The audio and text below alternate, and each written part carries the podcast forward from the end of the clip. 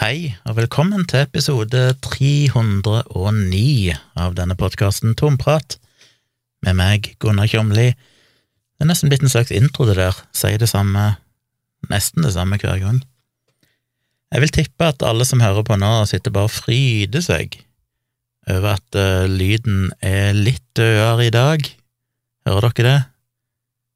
Ikke den der klangen i veggene som det var sist. Tipper det betyr mye for dere betyr mye for meg. Jeg satte opp en um, Jeg rigger opp dette nye studioet mitt i dette lille rommet som jeg snakket om. Sist hadde jeg ikke fått gjort det helt ferdig.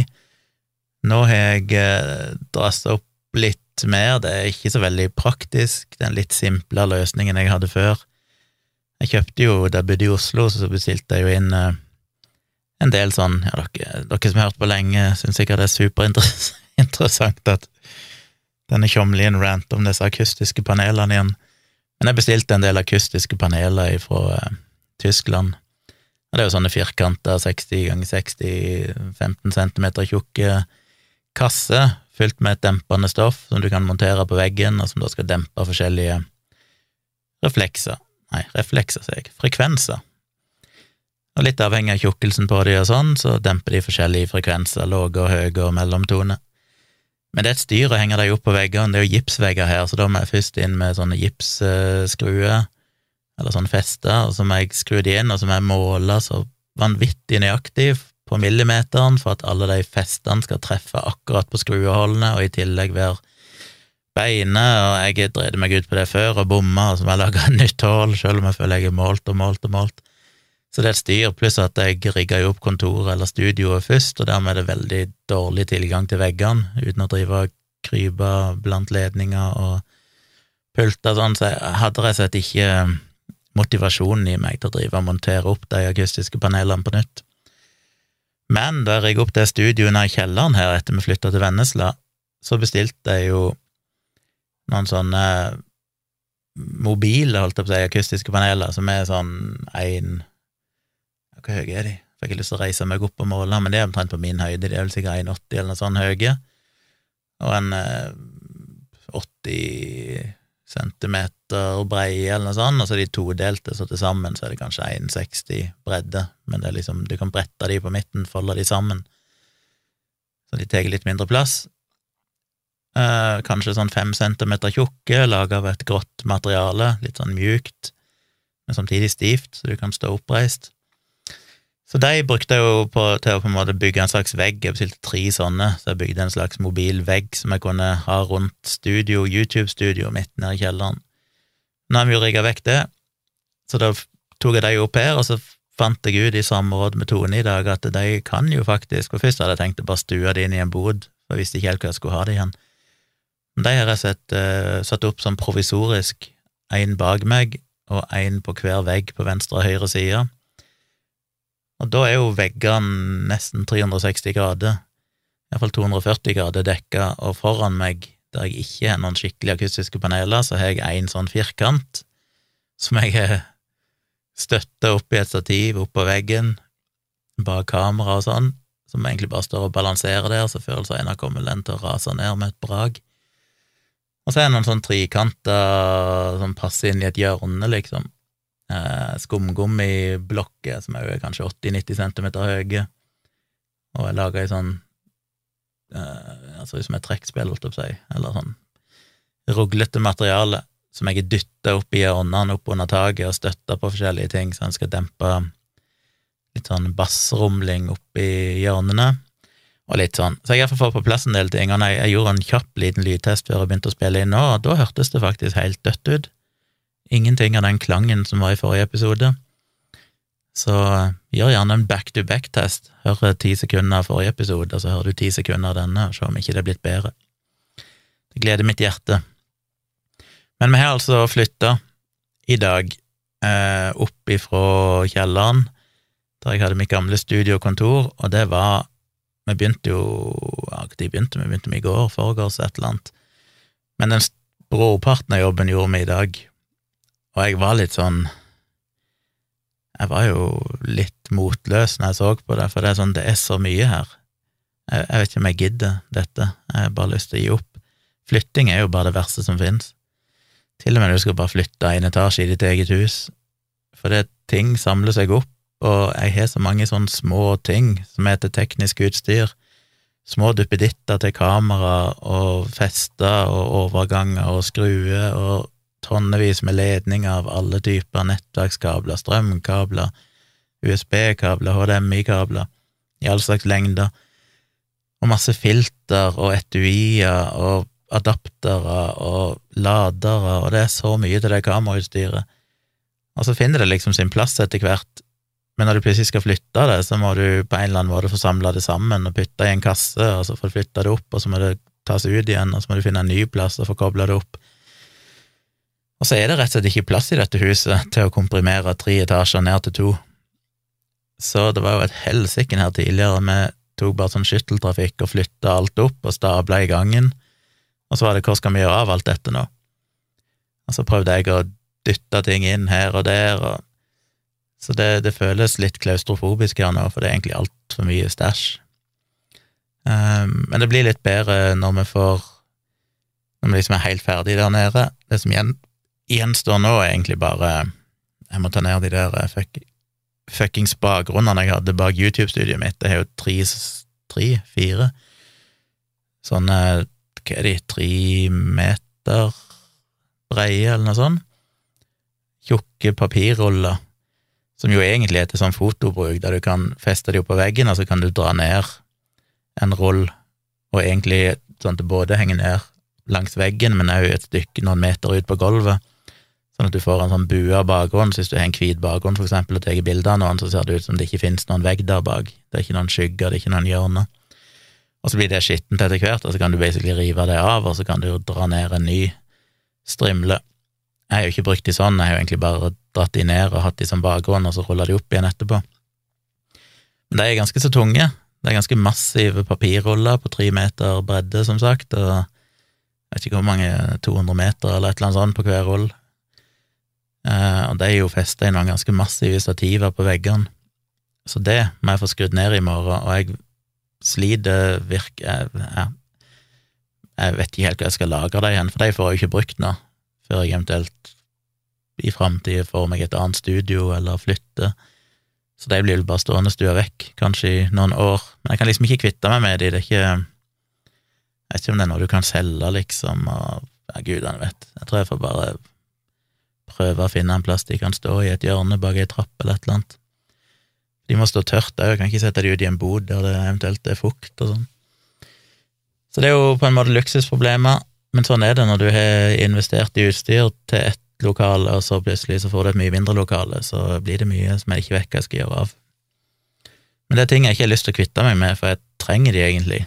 Hvis jeg får et oppdrag eh, utendørs, så er det ting jeg kan ta med meg og bruke on-site andreplasser. Men det var en himla jobb, men vi fikk gjort det, og det gjenstår som sagt bare bitte grann i morgen. Det kommer en eh, utleiemegler klokka to i morgen, det vil si i dag, fredag. Så vi må, på formiddagen så må vi bare gjøre ferdig resten, bare fjerne de få siste tingene som er der, og så støvsuge og vaske litt overfladisk, bare sånn at det blir noenlunde representativ, og så gjør vi en skikkelig utvask før vi eventuelt skal leie det ut. Så nå er iallfall det gjort, det føles godt. 95 eh, av den jobben er gjort, så nå gjenstår egentlig bare at når Tone etter hvert flytter til Oslo, så kommer hun til å ta med seg ganske mye. Hun har jo mye klær og sko og, og ting, og noen, ja, det blir ikke mye møbler vi flytter, det blir kanskje et lite bord og en stol eller noe sånt som hun kanskje vil ha med seg. Men det kommer til å frigjøre litt plass, iallfall rundt forbi, så da, de tingene som er lagra litt provisorisk nå, får litt mer plass, pluss at det er jo ei trapp ned til underetasjen som jo var sperra av når vi kjøpte dette huset, for den nederste delen var jo sperra av. Men vi åpna opp den, fjerna en sånn ganske massiv lem i gulvet, og så satte vi opp et gelender på ei bitte liten trapp som går opp der, og et rekkverk. Men når vi skal leie det ut, så skal vi sperre av det igjen, så da kan jeg fjerne rekkverket og fjerne gelenderet på trappa og legge tilbake lemmen, og da får vi jo plutselig ja, kanskje et par kvadratmeter ekstra i gangen, som er ganske mye plass, for det, da kan du plutselig dytte en del ting inn der som ikke er plass til andre plasser. Så det, blir, det kommer til å ordne seg, nå bare kommer litt eh, et par steg videre. Min datter kom jo hjem fra England i går, etter å ha vært der noen eh, fem dager eller noe sånt sammen med min mor. De hadde en liten englandstur. Mamma er jo engelsk, så vi har jo engelsk familie, som dattera mi vel så vidt har hilst på før, for noen år siden. Men da var hun jo, vet, i den alderen der, nå er jo Hun blir jo 16 i januar, og det er ganske stor forskjell på når du er 12 år gammel og når du er 16 år gammel. Så eh, det var jo hyggelig for henne å få reist av gårde der. Det var jo litt sånn kompensasjon for at vi egentlig skulle til Kenya, og så ble jo jeg covid-sjuk, og turen måtte avlyses. Og det var en skuffelse for henne. Men da sa mamma at, eh, at eh, dattera mi kunne være med henne til England istedenfor. På en liten tur så fikk hun seg iallfall en liten utenlandsreise. Og det syntes jeg var modig, å reise alene med mamma og treffe masse fremmede folk med opplegg hver dag, og rundt i Nottingham, men jeg tror det var en opplevelse. Jeg tror hun syntes det var litt stas å liksom hilse på sin engelske familie. Jeg tror hun er litt sånn stolt av det, at hun har engelsk familie. Og jeg tror hun syntes det var litt flaut å snakke engelsk, men hun er jo veldig flink i engelsk. Jeg har ikke hørt hun prate så mye, men hun leser jo engelske bøker og kan jo fint se alle filmer sånn uten teksting, så det er jo ikke noe problem med å forstå engelsk.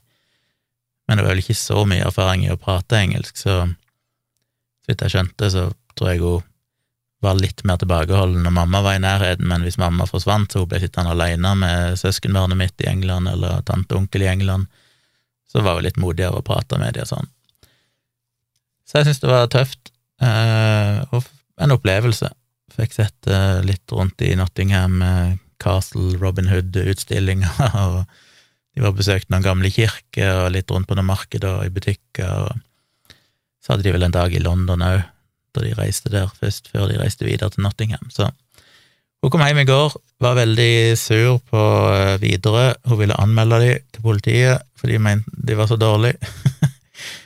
hun likte ikke det at de kom til Heathrow i går, ganske tidlig, men eh, så slapp de jo ikke igjennom. De fikk ikke sjekka inn før ja, to timer eller sånn er det vel før flyet går, normalt.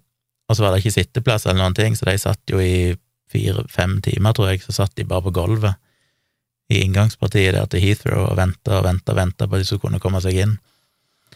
Og så var hun litt stressa for den appen de hadde brukt, den plutselig feila, så de fikk de klarte ikke å generere boardingpass til dem, så det sto at de måtte bare ta kontakt med flyselskapet. Og da ble jo hun veldig stressa, selv om jeg prøvde å berolige henne at eh, det kommer til å gå bra, det er bare å gå i skranke og vise passet, så skriver de ut boarding pass til dere, det går helt fint, og det gjorde de jo, alt gikk jo fint. Men de var så forsinka, så de endte opp med å bli stående med gaten òg, og så var det ti minutter til flyet gikk, og ennå hadde de flyet skulle gå, og ennå hadde de ikke sluppet gjennom, og hun var så irritert for det.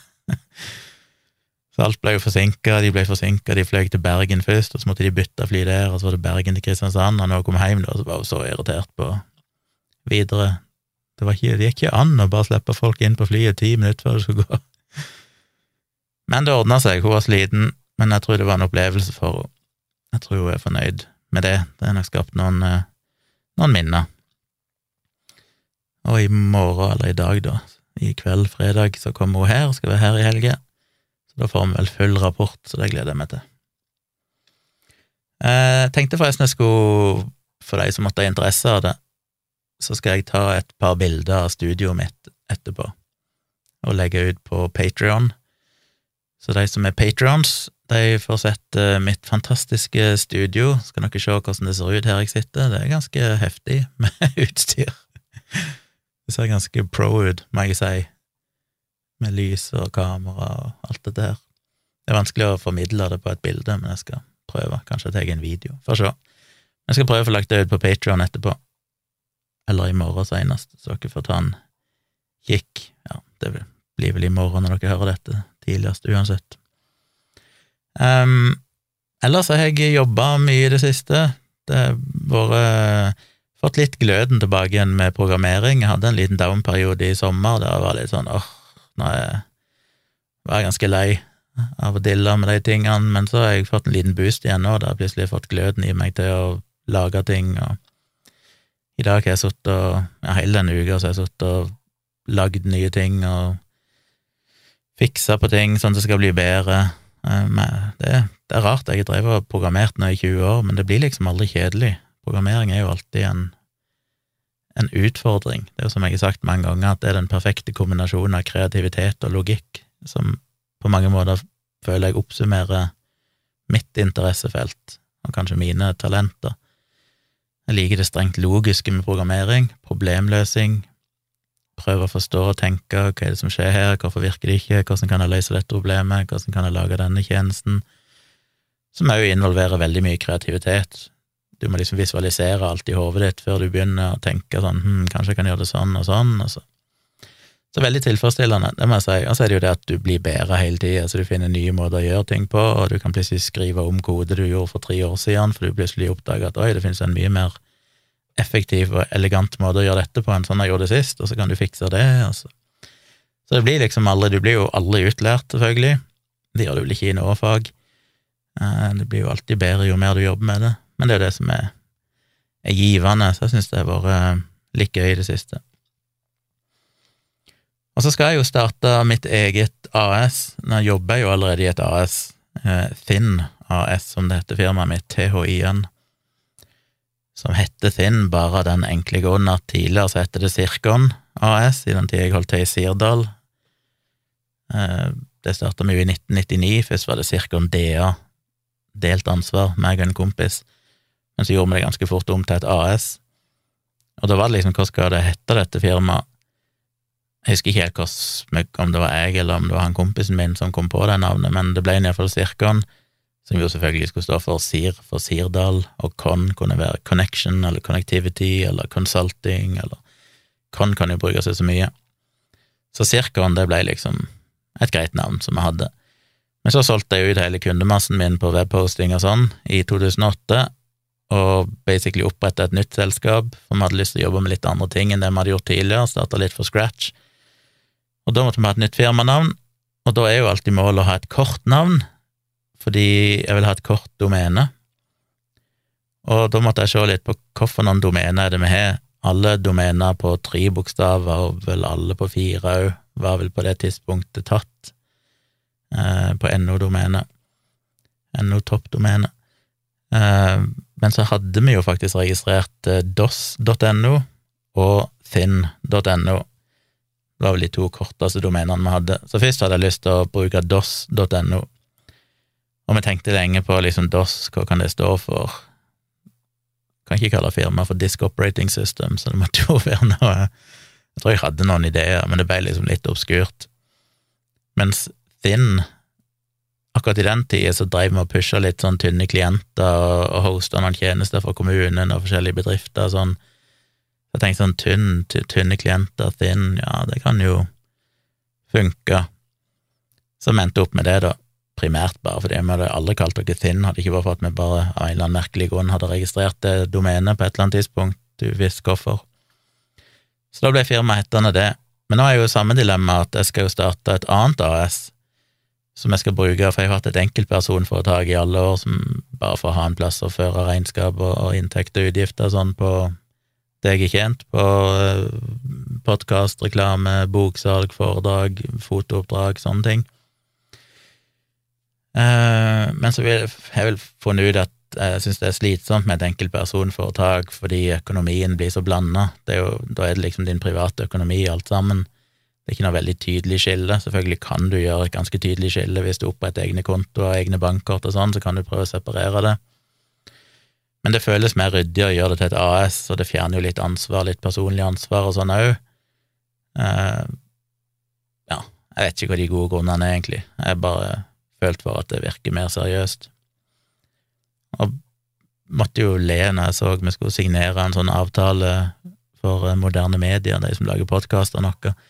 Da fikk jeg tilsendt en avtale fra de som jeg og Dag skulle signere for Dialogisk, og da oppdaga jeg at hans sitt AS heter Chomsky Dog AS oppkalt etter den avdøde hunden hans, Chomsky Dog.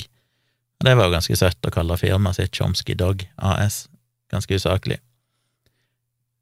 Så jeg tenkte jo jeg må ha et firmanavn, og jeg, det er egentlig bare det som har hindra meg for å sende søknad om å etablere AS, for jeg må ha et navn.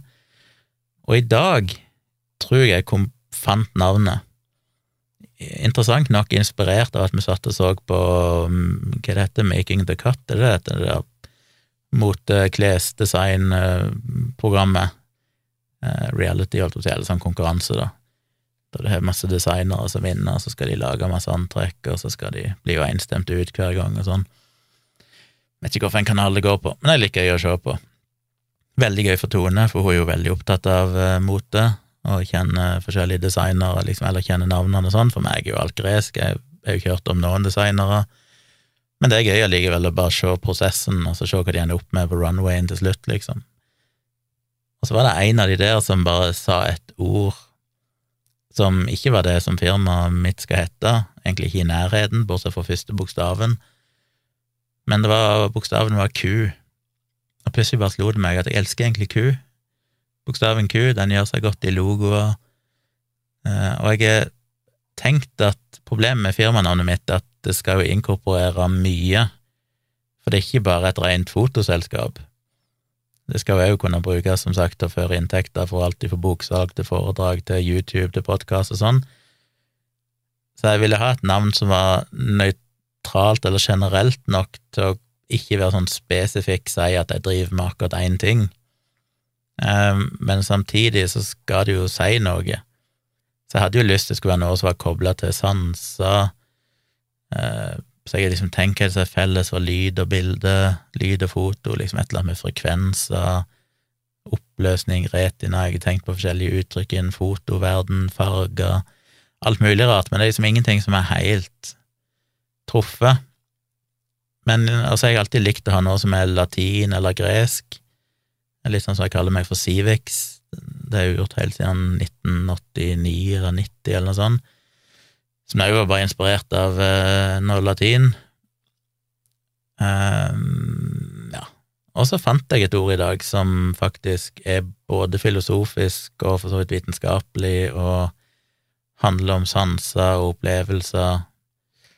Noen av dere kanskje, hvis dere følger med, så kan dere kanskje legge sammen to og to. Jeg vil ikke si hva det er ennå, for jeg må registrere domenet. Ikke at jeg tror at noen av dere er slemme nok til å bare sånn aha, det skal jeg registrere før Tjomli, men jeg vil bare sikker på at jeg får det domenet, for det var ledig.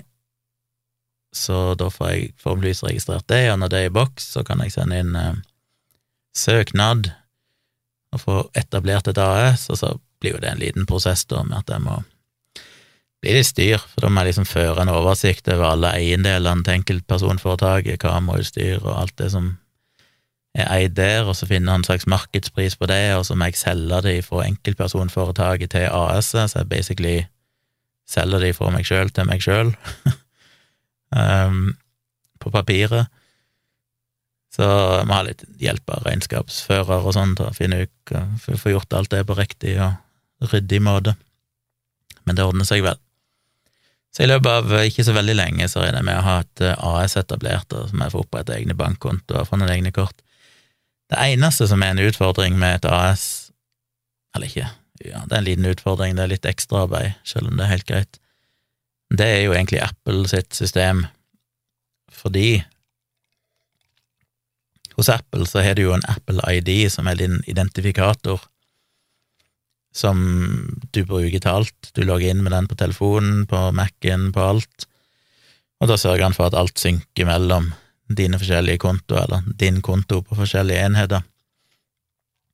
Men det er jo òg et uh, kredittkort knytta til det, og det er jo pers en personlig konto i utgangspunktet. Da kan du rett riktignok, hvis du gidder, så kan du gå inn og, og oppdatere kredittkortet hver gang du gjør et kjøp, men det er jo helt uoverkommelig stress.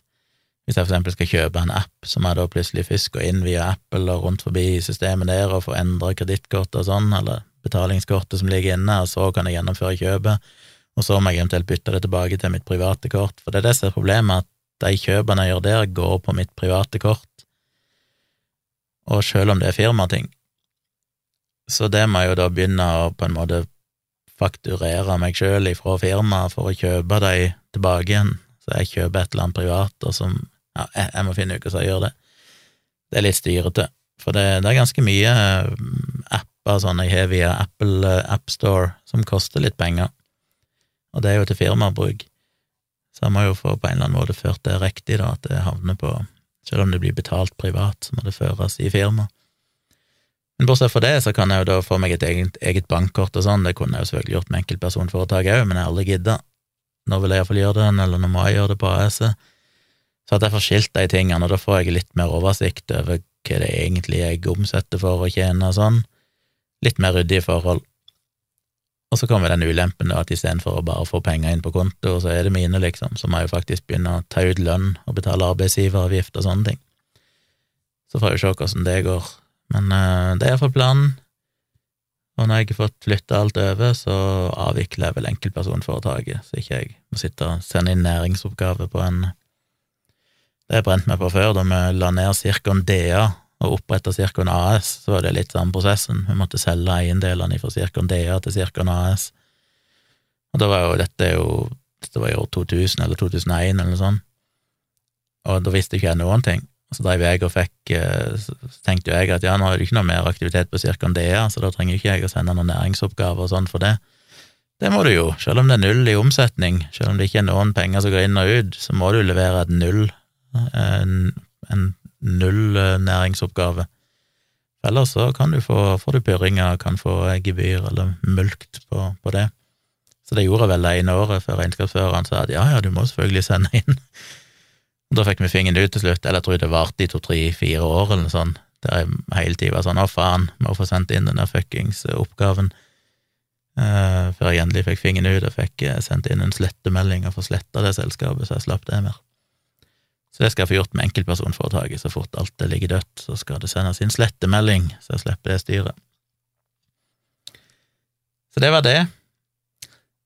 Eh, før jeg går over på de, den ene, ja, et par eh, faktiske saker, så fikk jeg bare lyst til å nevne Det er jo, vet ikke, det er ikke så relevant, men jeg, fikk, jeg så på Facebook i dag at jeg Jeg vet ikke hva jeg skal kalle henne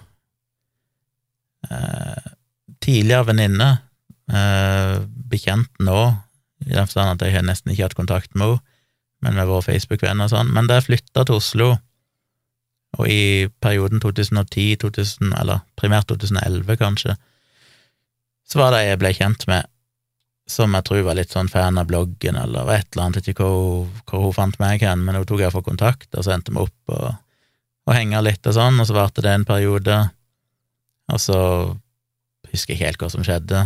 Vi glei fra hverandre, eller hun fikk seg en type, eller et eller annet. Og endte iallfall opp med en fyr, og etter hvert så fikk de unger, gifta seg, fikk unger. Eh, hette Heidi Huse Myrmo. Hun starta vel opp et selskap som heter Bryllupshjelperen, som fikk en del medieomtale, som jeg tror var ei nettside der du kan liksom finne alt du trenger for å arrangere bryllup. Jeg tror det ble gitt ut bok og sånn òg i den sammenheng.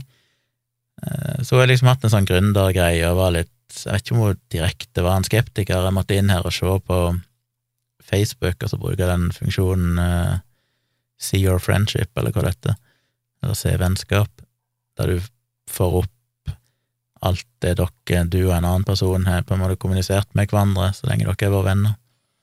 Og da er det jo stort sett 'gratulerer med dagen', 'gratulerer med dagen' og sånn. en gang i året, men så er det litt mer meldinger tilbake i den tida vi faktisk hang sammen. Og da ser jeg jo, jeg hadde glemt det litt vekk, men jeg ser jo det at jeg får inntrykk av at hun kanskje ikke helt var sånn til, komfortabel med skeptikermiljøet, men jeg prøvde vel tydeligvis å overbevise henne. Sendte hun en YouTube-video der Ben Goldtaker snakker om homopati, og så sendte jeg henne den berømte videoen med That Mitchell and Weblook, med den sketsjen om homeopathic A&E. Der det er en sånn homopatisk eh, akuttavdeling på sykehuset. Fantastisk video. Um, så jeg prøvde tydeligvis å misjonere litt for skeptisisme for henne. Men hun var utrolig hyggelig, vi hadde et veldig godt uh, forhold når vi kjente hverandre. Jeg likte henne veldig godt. Um, og så fikk jeg med meg her for halvannet år siden at hun hadde fått kreft via Instagram. Hun fikk ikke kreft via Instagram, men hun så via Instagram at hun hadde fått kreft selv om Instagram og sosiale medier kan gi Gud og hver mann kreftetider. Men jeg så at hun hadde fått kreft, jeg sendte henne en melding og bare sa jeg så hun hadde fått en, en beskjed og ønska henne lykke til og håpet alt skulle gå bra, bla, bla, bla, og så takka hun for det og sånn. Og så har jeg egentlig bare fulgt henne litt sånn på Instagram og litt Facebook, primært Instagram, der jeg har fått opp oppdateringer Da har hun gått gjennom cellegiftbehandling, og det har gått litt opp og ned og sånn. Og så så jeg en melding for noen dager siden, bilde av henne i sykehussenga, der hun vel Ja, på mange Altså, hun, hun var jo Åpenbart Altså, hun prøvde jo å gjøre den kreftperioden til noe konstruktivt, som òg er beundringsverdig. Hun var vel med å starte opp noe greier for kreftsyke barn, og jeg har liksom vært aktiv hele tida, prøvd å bruke sin erfaring til å hjelpe andre i samme situasjon.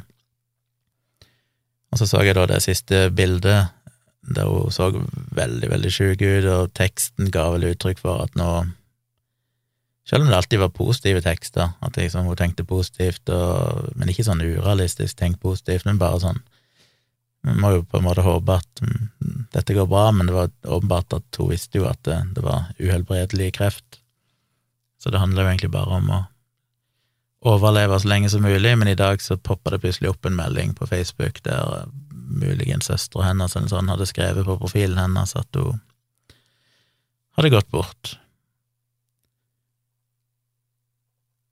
Og da eh,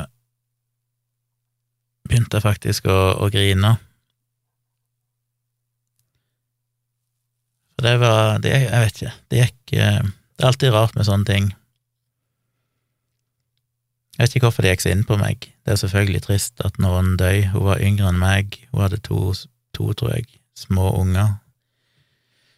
I barnehagealder, tror jeg, muligens barneskole, men små. Eh, som gjør det ekstra trist, selvfølgelig. Eh, siste bildet var vel at hun lå i sykehussenga med én unge på hver side, oppi senga med seg. Jeg vet ikke. Det bare traff meg. Jeg har jo nesten ikke hatt kontakt med henne på ti år men allikevel så hadde vi et godt vennskap i den tida. Vet det er bare så helt jævlig at folk som er yngre enn meg, med små unger sånn, skal dø av kreft. Det, det er vondt. Jeg kunne sagt mye klisjéaktig nå om å sette pris på livet og leve mens en kan, men eh, det er jo realiteten. Så ja, jeg fikk bare lyst til å nevne det, for det syns hun fortjente å bli huska og nevnt. Jeg aner ikke om hun noen gang hørte på denne podkasten, men uh, hun var nå iallfall en, en bekjent. Så det var veldig, veldig trist å få det budskapet. Jeg holdt på å si fuck cancer, men det gidder jeg ikke, for det fuck cancer det føler jeg er så ødelagt av han der danske alternativduden. Uh, anyway, over til noe annet. Apropos alternativ, det var for så vidt en Segway, det. Men jeg fikk en mail av eh, Erik igjen. Erik er jo alltid en reddende engel som uh, sender meg stoff på mailen min, som er tompratpodkast at gmail.com. Bare å sende inn ting der. Han skrev at han kom over en, en ny artikkel om en studie fra NAFKAM som handler litt om nordmenns bruk av alternativ behandling de første tre månedene av covid-pandemien. Og det er jo alltid interessant, for det er alltid det, mye debattert hvor mange er det som bruker alternativ behandling, og, og sånn. Og så kan en få ekstremt varierende tall, avhengig av hvordan en måler det. Denne studien ble publisert 3. september 2022 i noe som heter for BMC Complementary Medicine and Therapies, og heter Safety and Use of Complementary and Alternative Medicine in Norway during the first wave of the COVID-19 pandemic, using an adapted version of the ICAM-Q, a cross-sectional survey.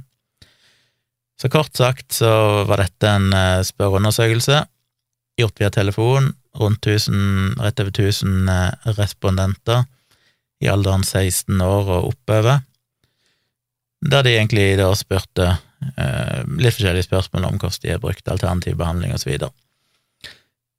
Jeg skal komme inn på en del av detaljene der, for jeg tenker det er interessant, men mer enn at bare studien er interessant, så er det kanskje interessant for dere å bare høre litt sånn ja, ting en må være litt kritisk til når en leser denne type artikler.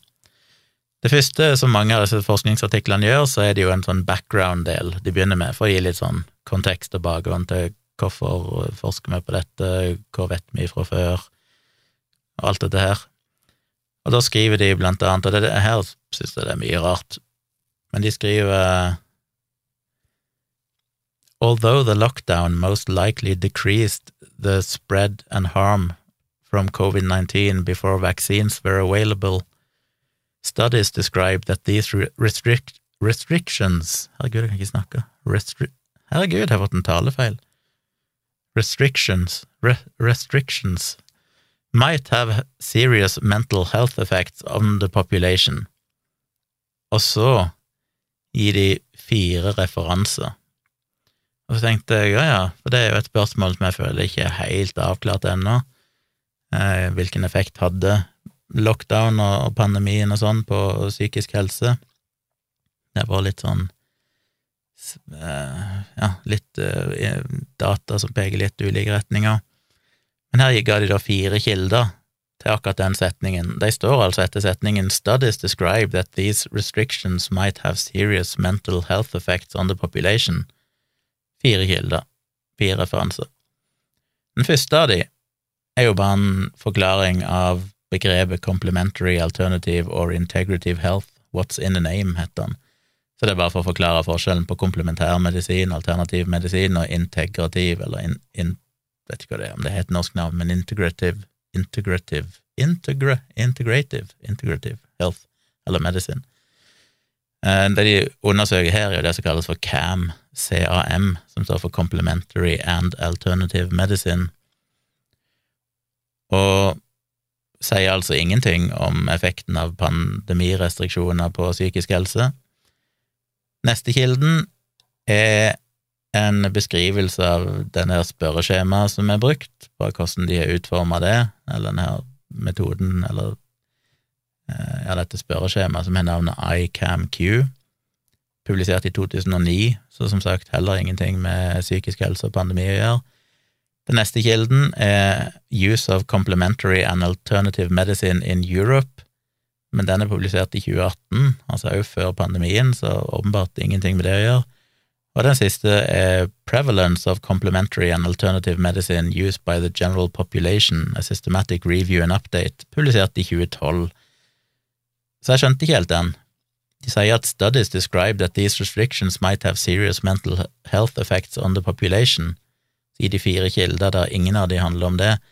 Jeg har ikke lest alle de artiklene, det kan være de to siste, de som har undersøkt. Eller forresten, jeg har skumlest de to òg, ja, for det måtte jeg gjøre, for de kommer, blir relevante seinere.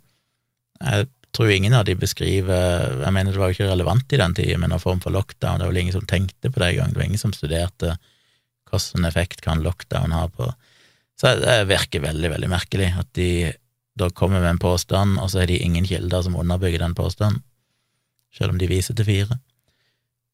Så de virker jo bare helt malplasserte. Og så fortsetter de med in particular in groups that already were vulnerable og da viser de bare til en studie igjen som heter The Use of Complementary and Alternative Medicine in Scandinavia, publisert i 2016. Så altså, lockdown har spesielt effekt på de som var mest utsatt innenfor psykisk helse. De er en kilde, publisert lenge før pandemien, har ingenting med det å gjøre. Merkelig. Eh, så jeg skjønner ikke. Det, det, virker jo nesten som en sånn dårlig alternativ eh, artikkel der du bare prøver å villede ved å fremstå som at du har gitt noen kilder, så når du sjekker kildene, så er det ingenting med saken å gjøre. Og så skriver de videre While the COVID-19 pandemic has led to increased activity for parts of healthcare Der viser de til en, eh, en korrekt kilde, da, en helse- og omsorgstjenester i nasjonalregnskapet under koronakrisen. Så den er grei. Men så skriver de videre referral to a wide range of mental health services has decreased. Og da viser de til en studie på dette fra England. Og det er jo selvfølgelig kanskje relevant. De mener vel kanskje generelt sett så har jo Og det er jo intuitivt, en trenger jo nesten ikke en kilde på det, men det var selvfølgelig vanskeligere å, å gå til eksempel psykolog og sånn under pandemien, fordi at de fleste stengte ned, du kunne ikke ha menneskelig kontakt på samme måten. Men de viser jo til en studie på England, så det er jo ikke gitt at det hadde gjeldt i Norge nødvendigvis, og det er litt sånn rart. Jeg skulle jo tro det fantes noen norske data på det òg. Men kildebruken er jo i den innledningsdelen, selv om det ikke er så viktig, for så vidt, eh, er jo veldig rar, syns jeg. Men så går de videre da, til det som er det mest interessante. Det er jo hvor mye brukt er egentlig komplementær og alternativ behandling. Og da sier de at uh, CAM is widely used, ranging from 10% to 60, nei, 76% worldwide. Og så er det én kilde for den 10% og en annen kilde for den 76 eh, Så kan en jo selvfølgelig diskutere de tallene jeg tror ikke de er veldig pålitelige. De har liksom tatt det laveste tallet i én studie og det høyeste tallet i en annen studie, og det virker jo litt rart å bruke to forskjellige studier og ta det ene tallet fra den ene og det andre fra den andre, eller å bruke høyeste og laveste tallet fra samme studien. Men greit nok. Eh, så går de litt videre, så skriver de In Norway, a recently published study demonstrated that 62.2% of the respondents reported to having to have used CAM within a 12 months period. Så her viser de altså til den forrige studien som ble gjort på dette, og den ble publisert i 2021, som vel egentlig var en slags tidligere variant av akkurat denne studien, basically akkurat samme studien, bare utført uh, i Jeg publiserte i 2021, jeg er litt usikker på hvilken periode den undersøkte. Men iallfall, så da kom de fram til 62,2. I denne studien så kom de vel fram til 67,2% altså en økning på 5 prosentpoeng. Og det skal vi komme litt tilbake igjen til. Men det interessante her er jo ok, 62,2% sier at de har brukt alternativ behandling i løpet av de siste tolv månedene, altså nesten, nesten to av tre nordmenn over 16 år. Det høres jo mye ut. Er det bare en tredjedel av oss som ikke bruker alternativ behandling? Jeg tror det tallet skurrer for de fleste, når du vet at sånn som homopati er liksom brukt av 0,2% av befolkningen, og så er det noen veldig få prosent som har prøvd akupunktur, og så, så, er det vel noen få som er interessert i healing, men det tallet totalt sett vil jo ligge sannsynligvis nede i single digit-tall, uh, skulle en tro. Men her er det altså 62,2 i forrige studie og 67,2% i denne nye studien som omhandler første perioden av pandemien. Og Det er da det blir interessant å se, for hva er det egentlig de definerer som alternativ eller komplementær og alternativ behandling? Denne studien ble jo gjennomført uh, mellom 28. april og 5. mai 2020, med altså telefonintervjuer av litt over 1000 personer over 16 år. Uh, de prøvde å ringe 7229. Det står at de prøvde å ringe de opptil sju ganger. Hvis ikke de fikk tak på de etter det sjuende forsøket, så ga de opp og gikk videre til noen andre.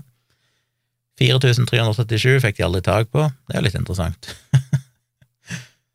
at av 7000 personer, så er 4000 av de, godt over halvparten, var bare utilgjengelige, selv om de prøvde de sju ganger.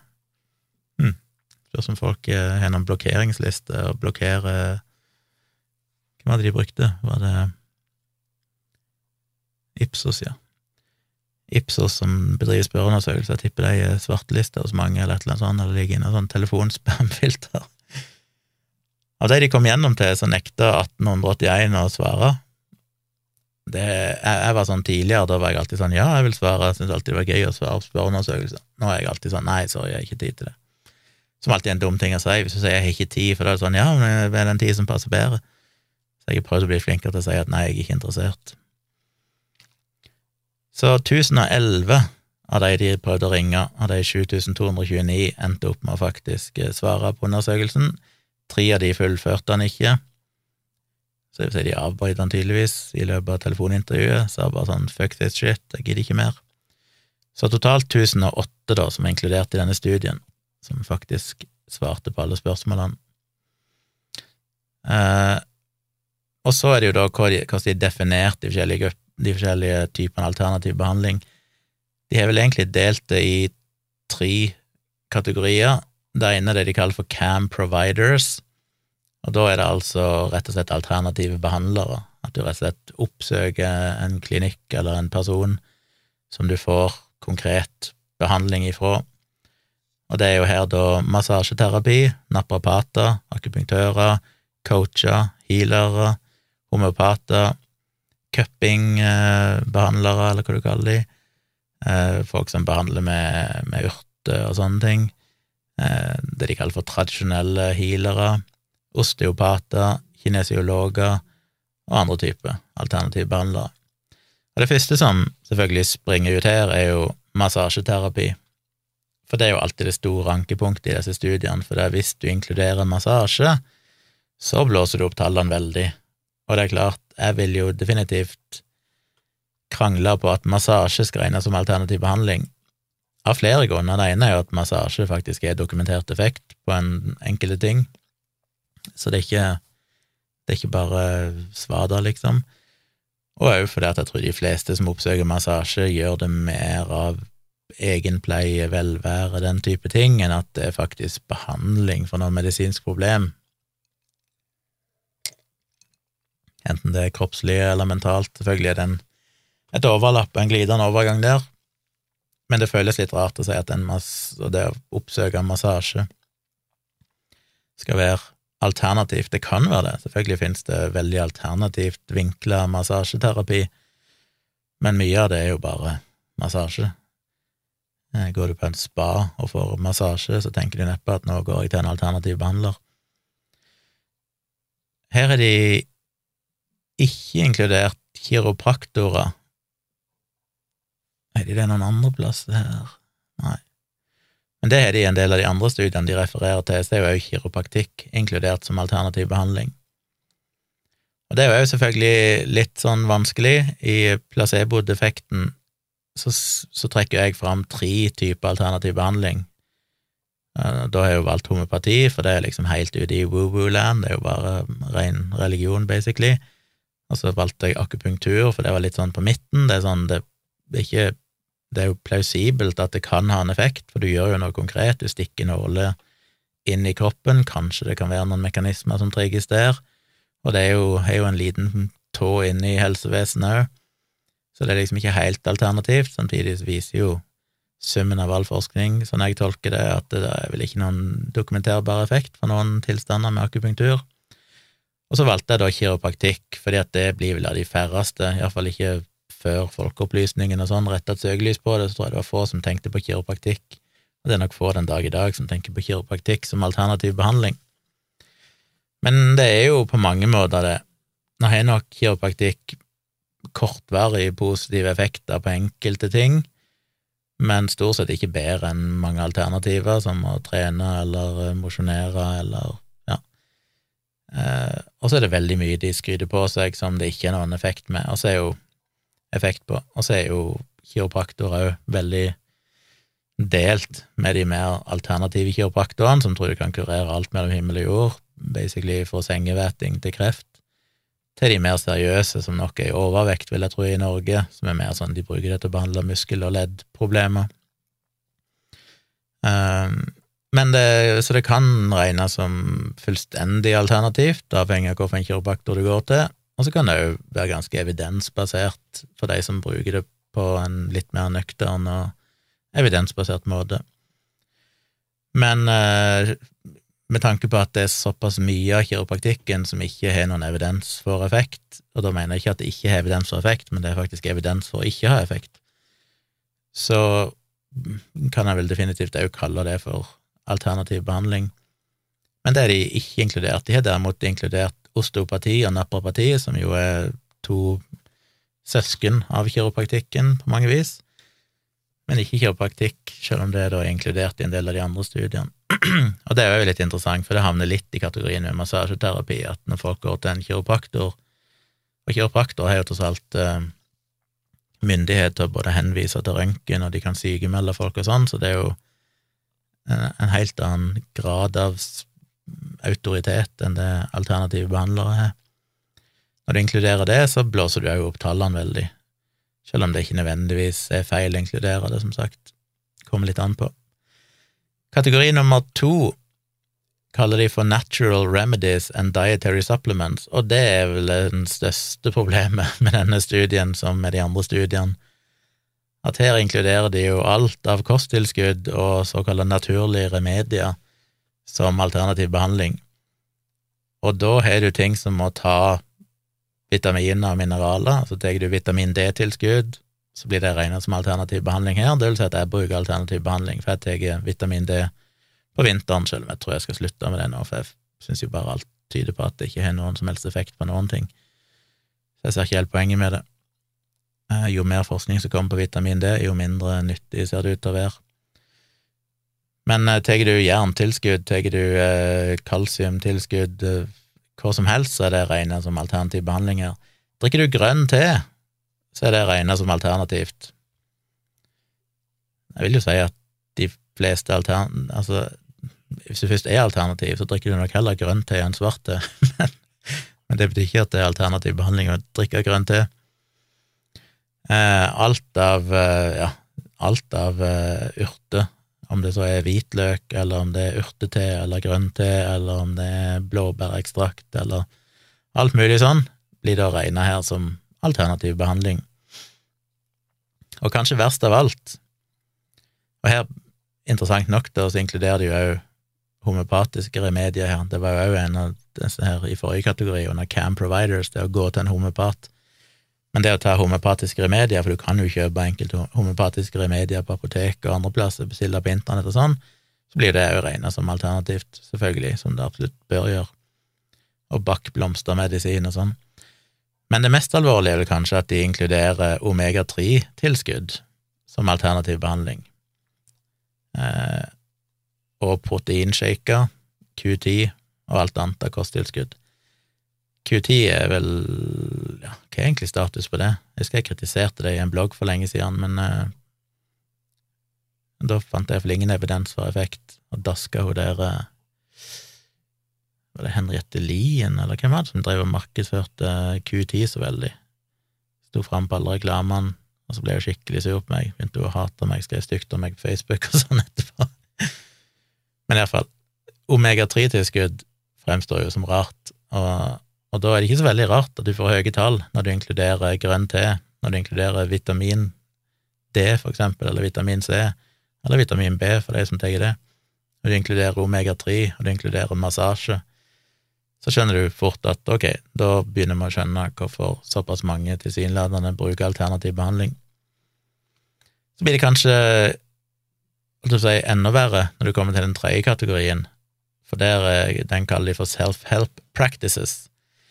Og der inkluderer de jo meditasjon, mindfulness, um, ja, alt av yoga, tai chi, til og med relaxation. Så hvis du bare gjør avslappingsøvelser, så er det også alternativ her, da. Så det blir jo òg problematisk, for jeg kjenner jo mange som driver med meditasjon, og som på ingen selvs måte tenker at det er alternativt Selvfølgelig kan en selvfølgelig Selvfølgelig kan en selvfølgelig Selvfølgelig kan en gjøre et argument av at det er kanskje alternativt, sånn som mindfulness. Der er jo evidensen veldig sprikende. Det siste jeg så på det, så var det vel praktisk talt ikke noe evidens for at det egentlig virker. Men det blir jo litt som med alt av den type behandling som handler om, om psyken, at det er jo på en måte vanskelig å kvantifisere effekten, fordi det er ikke som at du måler en, helt sånn, måler en blodverdi eller et eller annet helt konkret, det handler jo mer om hvordan du fungerer i hverdagen, hvordan du har det med deg sjøl og sånn. Selvfølgelig kan det måles i spørreskjema og så videre, men det, det, er mye som påvirker de tingene der, så det er vanskeligere å finne gode data. Men allikevel så tror jeg nok jeg vil jeg tror ikke det er feil å inkludere det, men det er jo veldig synd for eksempel at yoga blir regnet som alternativt. Jeg kjenner jo òg da flere, egentlig bare damer, som har lyst til å gjøre yoga mest som en trening eller som mosjon, men hver gang de prøver å oppsøke et eller annet yogasenter eller kurs, så er det så jævlig alternativt at de bare må slutte. Og det er veldig synd, for jeg tenker at yoga er sikkert en fantastisk ting å gjøre som mosjon og for kroppens skyld, men det er jo synd at du så gjerne blir pepra med fuckings alternativt møl når du står der og driver på med dette. Så det er vel eh, vanskelig, kanskje, selv om det finnes jo, å finne yogasenter, eller hva du kaller det, der det ikke er gjennomsyra av alternativ tankegang.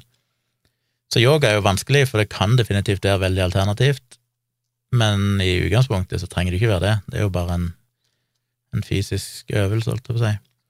Og det samme gjelder jo på en måte meditasjon og sånn. Så så det blir vanskelig. Jeg tenker jo at ja, det er jo ikke direkte feil å inkludere mange av disse tingene. Jeg vil jo si at sånn som vitamin D kan jo være alternativt, fordi når du kommer med alternative behandlere som gjerne pusher vitamin D som et bedre alternativ enn influensavaksine og covid-vaksine, så kan du selvfølgelig si at det, dette er en alternativ tankegang, dette er konspirasjonsteorier osv. Samtidig, hvis du faktisk er en vitaminmangel, så bør du jo ta det, og det er jo noe som kroppen faktisk trenger, ikke sikkert du trenger å ta tilskudd, stort sett så gjør han ikke det, men uh, av de fleste vitaminer, da, for det stort sett så får folk i seg det de trenger. Så det meste av det som blir tatt av kosttilskudd, er jo bare bortkasta penger. Men samtidig så er det jo ikke Teoretisk sett så er det jo nyttig. Så alle disse tingene kan jo tolkes på, på to forskjellige måter, litt avhengig av kontekst og, og intensjon med å gjøre det. Så ja, det er kanskje greit å inkludere de, samtidig så føler jeg vel at skal du faktisk gjøre en studie på hvor mange som bruker alternativ behandling, så bør du kanskje være litt mer streng med hva du regner som alternativ behandling. Da bør du kanskje fokusere egentlig bare på de der klassiske tingene som homopati, akupunktur, healing, sånne ting, som alle er enige om at det, det er kun alternativt. Det er ingen som gjør det hvis ikke de aktivt ønsker å bruke alternativ behandling. Ingen som bare tilfeldig Ja, det kan være kanskje noen. Jeg lar seg lure på et apotek til å kjøpe homeopatisk medisin fordi det står det kurerer influensa eller et eller annet sånt, og så har de aldri hørt om homopati og vet ikke hva det er. Men stort sett oppsøker du homopati og akupunktur og sånn, så er det for å få alternativ behandling. Så jeg, jeg syns det er litt De burde på en måte ha hatt to datasett på en måte i, den, i sånne studier. Én der du har en, en snever definisjon, og så ser du på resultatet av det, og så er det en der du har en vid definisjon og så kan du få begge tallene ut i andre enden, for det er ganske meningsløst, sånn som de har, har gjort det her. Så hva fant de da? Jo, de fant jo da som sagt at 67,2% hadde brukt eh, en form for alternativ behandling i løpet av de første tre månedene av covid-19-pandemien.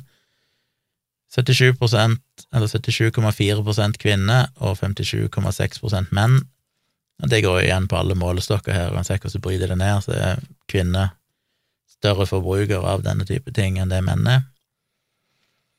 Men det mer interessante er jo at det var mindre, det var vel 7, hva var det, 7,8 prosent som faktisk hadde kontakta en alternativ behandler. Og det er vel egentlig det tallet jeg syns er det mest relevante, at under 8 prosent faktisk hadde oppsøkt en alternativ behandler for å få hjelp. Det er vel det jeg vil kalle for å bruke alternativ behandling. De aller mest brukte var jo selvfølgelig eh, forskjellige urteteer og sånne ting, og så var det kosttilskudd. Og så kom sånn selvhjelpsøvelser som mindfulness og meditasjon og yoga og sånn på andreplass. Og det er jo de som trekker opp tallene. 57 hadde brukt eh, kosttilskudd og så videre, og 24,2% hadde brukt forskjellige typer selvhjelpsøvelser. Og de føler jeg jo egentlig er feil å inkludere i, i studien, for det jeg vil tro de aller fleste av de som gjør det, gjør det av helt andre grunner enn at de tenker de bruker alternativ behandling. Um, skal vi se Ja, 57 hadde brukt uh, kosttilskudd og drukket grønn te, og 56,4 hadde drukket grønn te. Det er jo et tall som er for høyt. Halv, over halve befolkningen bør ikke drikke grønn te. Grønn te er æsj og fysj, og folk som skal drikke te, må drikke svart te. Så jeg er litt skuffa over at uh, over halve den norske befolkningen drikker grønn te, men ok. 91% hadde tatt jerntilskudd. Veldig høyt tall. Ni av ti personer har tatt jerntabletter. Det synes jeg virker rart. Jeg skjønner at det sikkert er ganske mange prosent som tar tilskudd, men ja, det var det, ja, Jeg vet ikke om det er bare meg, men det virker jo veldig, veldig rart. Um, var det noe mer her? Ja, stort sett så ble det brukt, står det her, for å bare føle seg vel. Uh, ikke fordi at de skulle behandle noen ting, eller trodde at det skulle hjelpe mot covid-19, eller sånne ting. Kom over til selvhjelpsøvelser, så var det altså 24,2 som hadde brukt det i løpet av de tre, tre første månedene. Der var det 93,3 av de var yoga, og ja, 90,9 av oppe av Jæren, det var selvfølgelig av de 57% Selvfølgelig ikke av hele befolkningen. Så det vil si ca. halvparten av den norske befolk eller de spurte, da, hadde tatt uh, jerntilskudd. Det er kanskje litt mer forståelig tall, selv om jeg syns til og med det høres høyt ut. Høres høyt ut. Men av de 24,2 prosentene som hadde brukt uh, ulike former for selvhjelpsøvelser, så hadde 93,3 av de da brukt yoga. 98,7, altså nesten alle, hadde brukt en eller annen form for avslapping. Uh, så basically 24% eller 23-24% hadde da gjort for avslappingsøvelser, og igjen så ble det stort sett brukt for å bare føle seg vel. Bare tre av de 1008 som ble spurt, hadde brukt dette for i forsøk på å behandle eller forebygge covid-19. Eh, bare 15 av de 1008 som ble spurt, hadde brukt eh, kosttilskudd og sånn som et forsøk på å forebygge eller behandle covid-19. Det var for så vidt oppløftende.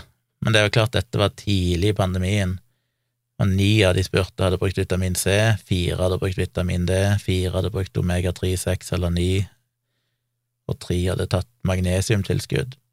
Så 15 totalt hadde tatt tilskudd i håp om å forebygge eller behandle covid-19. Og det var jo egentlig et positivt lågt tall, altså 1,5% men jeg vil jo nesten tro at det tallet var høyere hvis de hadde gjort samme undersøkelsen et halvt år seinere eller ett år seinere. Fordi så tidlig i pandemien så vet jeg ikke om folk var så fokusert på sånt. Jeg tror kanskje det ble mer mer relevant når vaksinedebattene begynte, når det begynte å komme motstand mot vaksiner, og vitamin D ble presentert som et uh, alternativ, så jeg spekulerer, men jeg vil jo ikke overraske meg om det tallet hadde vært høyere. Det var vel det Ja. Mm. Eh, hvis jeg roter med tallene her, så får dere lese studien sjøl. Jeg skal linke til den. Og så var det Hva var de som hadde oppsøkt eh, Ja, de som hadde oppsøkt alternative behandlere, det var 7,8% Og da var 3% av de var massasjeterapi, 1,5 var naprapater, 1,4 var psykoterapi, og 1,2% akupunktur. Én eh, person hadde tatt kontakt med en tradisjonell healer i forsøk på å forebygge covid-19, men ellers så står det ikke at egentlig noen av de hadde brukt det for spesifikt å forebygge eller behandle covid-19, som jo er positivt. Og så var det litt interessant å se på bivirkninger, for de har jo undersøkt safety of cam. Da skriver de at 95% av de som brukte en form for alternativ behandling, de eh, opplevde ingen, ingen bivirkninger, men 5% altså, det vil si 34 personer, gjorde det. Eh, og totalt så rapporterte de 42 forskjellige bivirkninger. Fire av de opplevde det etter å ha hatt konsultasjoner med alternative behandlere. To av de etter å ha fått akupunktur, én etter tradisjonell healing og én etter å ha fått cupping. Men så var det jo interessant, da, av de som hadde tatt uh, naturlige remedier og kosttilskudd, så var det 21 som rapporterte 27 forskjellige bivirkninger. Og da er det sånn du begynner å stusse litt. Fire rapporterte bivirkninger fra hvitløk, fire fra jerntilskudd, fire fra tatt omega-3, 6 eller 9, to fra å ha drukket proteinshake, to for å ha tatt magnesiumtilskudd, to for å ha tatt uh, uh, ingefær, to for å ha tatt høye doser av vitamin C, to for sinktilskudd, én for vitamin D, én for vitamin B, én for å ha drukket urtete, én for å ha tatt sitron og én fra kalsium, og da er jeg litt sånn, ok, dette er vel eh, Dette viser jo hvor meningsløst det er med rapport av bivirkninger når det ikke blir gjort på en systematisk måte. Det er jo litt som det samme problemet med vaksiner òg. Folk får vaksiner, altså hvis du ringer de etterpå og spør opplevde du noen bivirkninger, så får du de høye tall. Men hvis du hadde klart å isolere det til hva er det som faktisk skyldes vaksinen, så forsvinner jo nesten bivirkningene. Jeg tviler jo på at denne ene personen som mente han hadde fått en bivirkning for å ta vitamin D, jeg skjønner ikke helt hvordan han kan knytte det til å ta vitamin D. Uh, hvis han har fått hodepine eller fått dårlig mage, eller sånt, så kan det være 10 000 forskjellige ting som har ført til det, ikke nødvendigvis vitamin D-tilskuddet. Samme med vitamin B. To fra høye doser vitamin C er litt mer forståelig, for du kan vel fort få uh, dårlig mage, løs mage av å ta for mye vitamin C, stemmer ikke det? Så kanskje det er det de har rapportert. At noen skal føle at de fikk en bivirkning av å ta omega-3-tilskudd, for eksempel, virker jo rart. Han som fikk en bivirkning fra fra sitron, eller på hva han har gjort, kanskje det var så surt, kanskje han fikk det i et uh, munnsår eller et eller annet sånt, og så svei det jævlig. Altså, det virker bare veldig meningsløst å stille de spørsmålene, når det er sånn Det er jo ingen av de som vet om det hadde noe med kosttilskuddene å gjøre. Det blir jo bare helt, helt tullete. Og så var det jo elleve da som hadde rapportert bivirkninger for selvhjelpsøvelser, ni etter yoga. Det er vel ikke helt utenkelig. For det kan jo inkludere ting som at du føler deg stiv og støl og litt øm etterpå, som jo er uunngåelig hvis du ikke er vant med å gjøre sånne øvelser, du er ganske ny, for eksempel. Én mente de fikk det etter meditasjon, og én fikk det etter å ha gjort avslappingsøvelse. så det er farlig å slappe av. Han har slappa av så hardt at han fikk en bivirkning, tydeligvis, eller hun. Så ja, det virker den der ja, Hva er poenget med å stille sånne spørsmål? Det, det, det betyr jo absolutt ingenting. Det er jo bare fantasi, basically.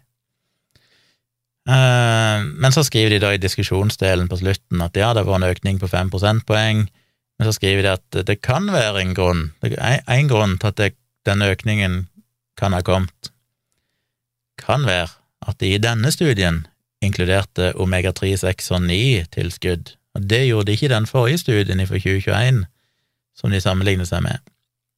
Og det var jo tross alt eh, den mest brukte tilskuddet i studien. Så ja, jeg tror ikke det er så veldig overraskende at hvis du plutselig inkluderer noe som en stor andel av befolkningen tar som tilskudd, så vil andelen som bruker alternativ behandling, tilsynelatende øke. Så jeg vet ikke om jeg eh, Ja, det er vanskelig å si hva det betyr. Var det egentlig en økning da, eller var det ikke det?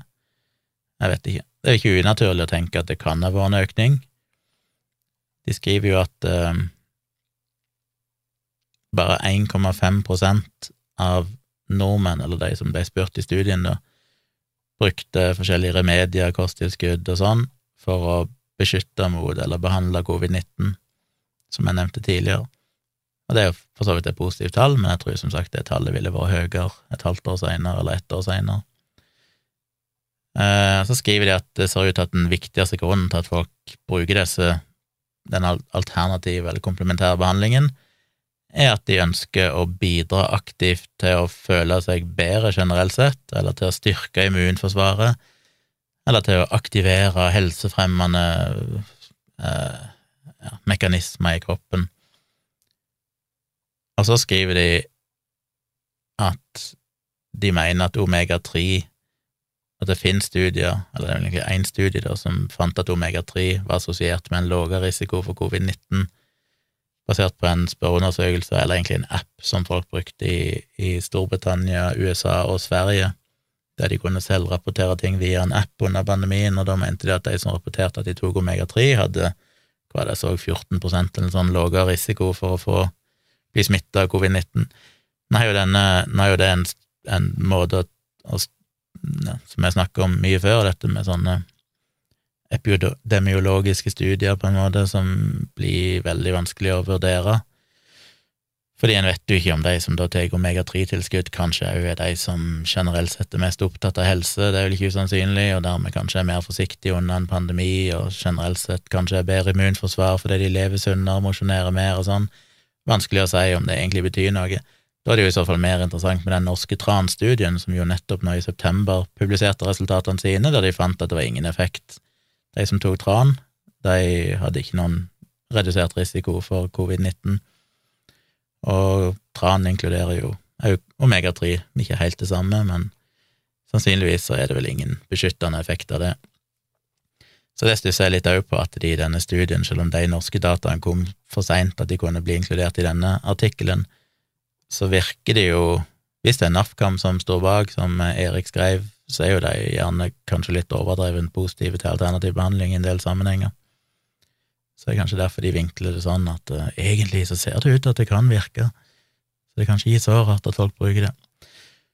Men det var egentlig en gjennomgang av den studien. Jeg skal lenke til den, så kan dere jo kikke på den sjøl hvis dere har lyst. Uh, alt i alt, uh, etter mitt syn, en relativt verdiløs studie, fordi han er altfor generell i definisjonen av alternativ behandling, og han og disse bivirkningene er jo ganske meningsløse og baserer seg på en spørreundersøkelse. Så jeg tror ikke egentlig vi får noe nyttig informasjon ut av en sånn studie som dette, etter mitt syn. Jeg er ganske lei av studier som egentlig ikke undersøker noen ting som helst, som bare ender opp med 'Her er et resultat! Jippi!' Men forteller det resultatet dere noen ting? Nei, ikke egentlig. Iallfall ikke om alternativ behandling. Hvis du bryter det ned på de enkelte tingene, så kan du jo kanskje gi nyttig data om hvor mange er det som tar vitamin D i den norske befolkningen, og heller se på det isolert sett, eller hvor mange er det som bruker yoga. Men eh, som en studie på alternativ og komplementær behandling, så er det vel ikke så mye nytte i det. Og apropos, igjen, en naturlig overgang, så fikk jeg en mail ifra eh, en som heter Bjørn. Må han liten colaslurk. Som spør om jeg har noe forhold til meditasjon eller tanker rundt det. Um, han skriver vel at han uh, har hatt litt greie, angst og tankekjør, og så har han uh, prøvd litt uh, meditasjon, prøvd å være litt mer til stede i nuet og alt dette her, og føler at det har hjulpet han veldig. Og så lurer han på om jeg har noen tanker om det, siden han sier at jeg er en du slår meg som en person som tenker veldig mye, men samtidig klarer å gjøre det på en sunn måte. Har du for eksempel noen råd til hva en kan gjøre for å holde tanker rasjonelle eller konstruktive? Og jeg, jeg vet ikke, jeg har jo, vi har vel vært ja, ideologisk, så har jo meg og Dag snakka litt for lenge siden om meditasjon. Jeg har ingen erfaring med det sjøl. Dag har jo prøvd den her uh, Waking Up-appen til Sam Harris, Jeg vet ikke om han bruker det nå, men han har fortalt tidligere at han har begynt på det mange ganger, og så slutter han, og så går det en stund, og så begynner han igjen, og så Jeg vet ikke hvor langt han er kommet der. Tone fikk jo, eh, min samboer Tone, hun fikk jo faktisk en anbefaling fra psykologen sin om å teste ut den appen. Og hun fikk den jo gratis, for Sam Harris er jo en sånn ordning at hvis ikke du har råd til å betale for appen, så kan du sende mail og forklare hvorfor ikke du er råd, og så får du da en gratisversjon. Så det er jo ganske kult. Eh, jeg tror jo genuint at Sam Harris virkelig ønsker å hjelpe gjennom den appen, at det er sånn såpass mye at han vet at mange som sliter mentalt, kanskje heller ikke økonomi til å betale for en app, jeg vet ikke hva den koster, men, men at han vil ikke at det skal være noe hinder for at folk kan få den hjelpen, så det er jo veldig, veldig prisverdig. Så hun fikk jo en gratisversjon, og har prøvd å bruke den, og jeg tror hun syns det hjelper henne litt. Hun føler vel at det har vært Tar tatt litt tid, kanskje, men føler at det har hjulpet henne litt. Og jeg kjenner jo andre som mener at de har hatt god effekt av mindfulness videre. Nå mener vel jeg at evidensen på mindfulness er basically fraværende, og at det til og med er vel vist en del bivirkninger knytta til det. Jeg tror ikke det er noe veldig sterk evidens sånn rent vitenskapelig for at dette hjelper.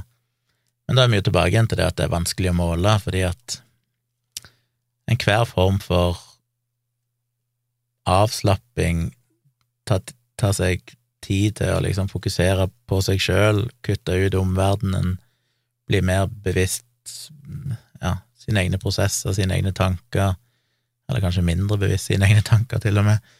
Eh, det er jo ikke noe, vel ingen tvil om at det kan være sunt for mange.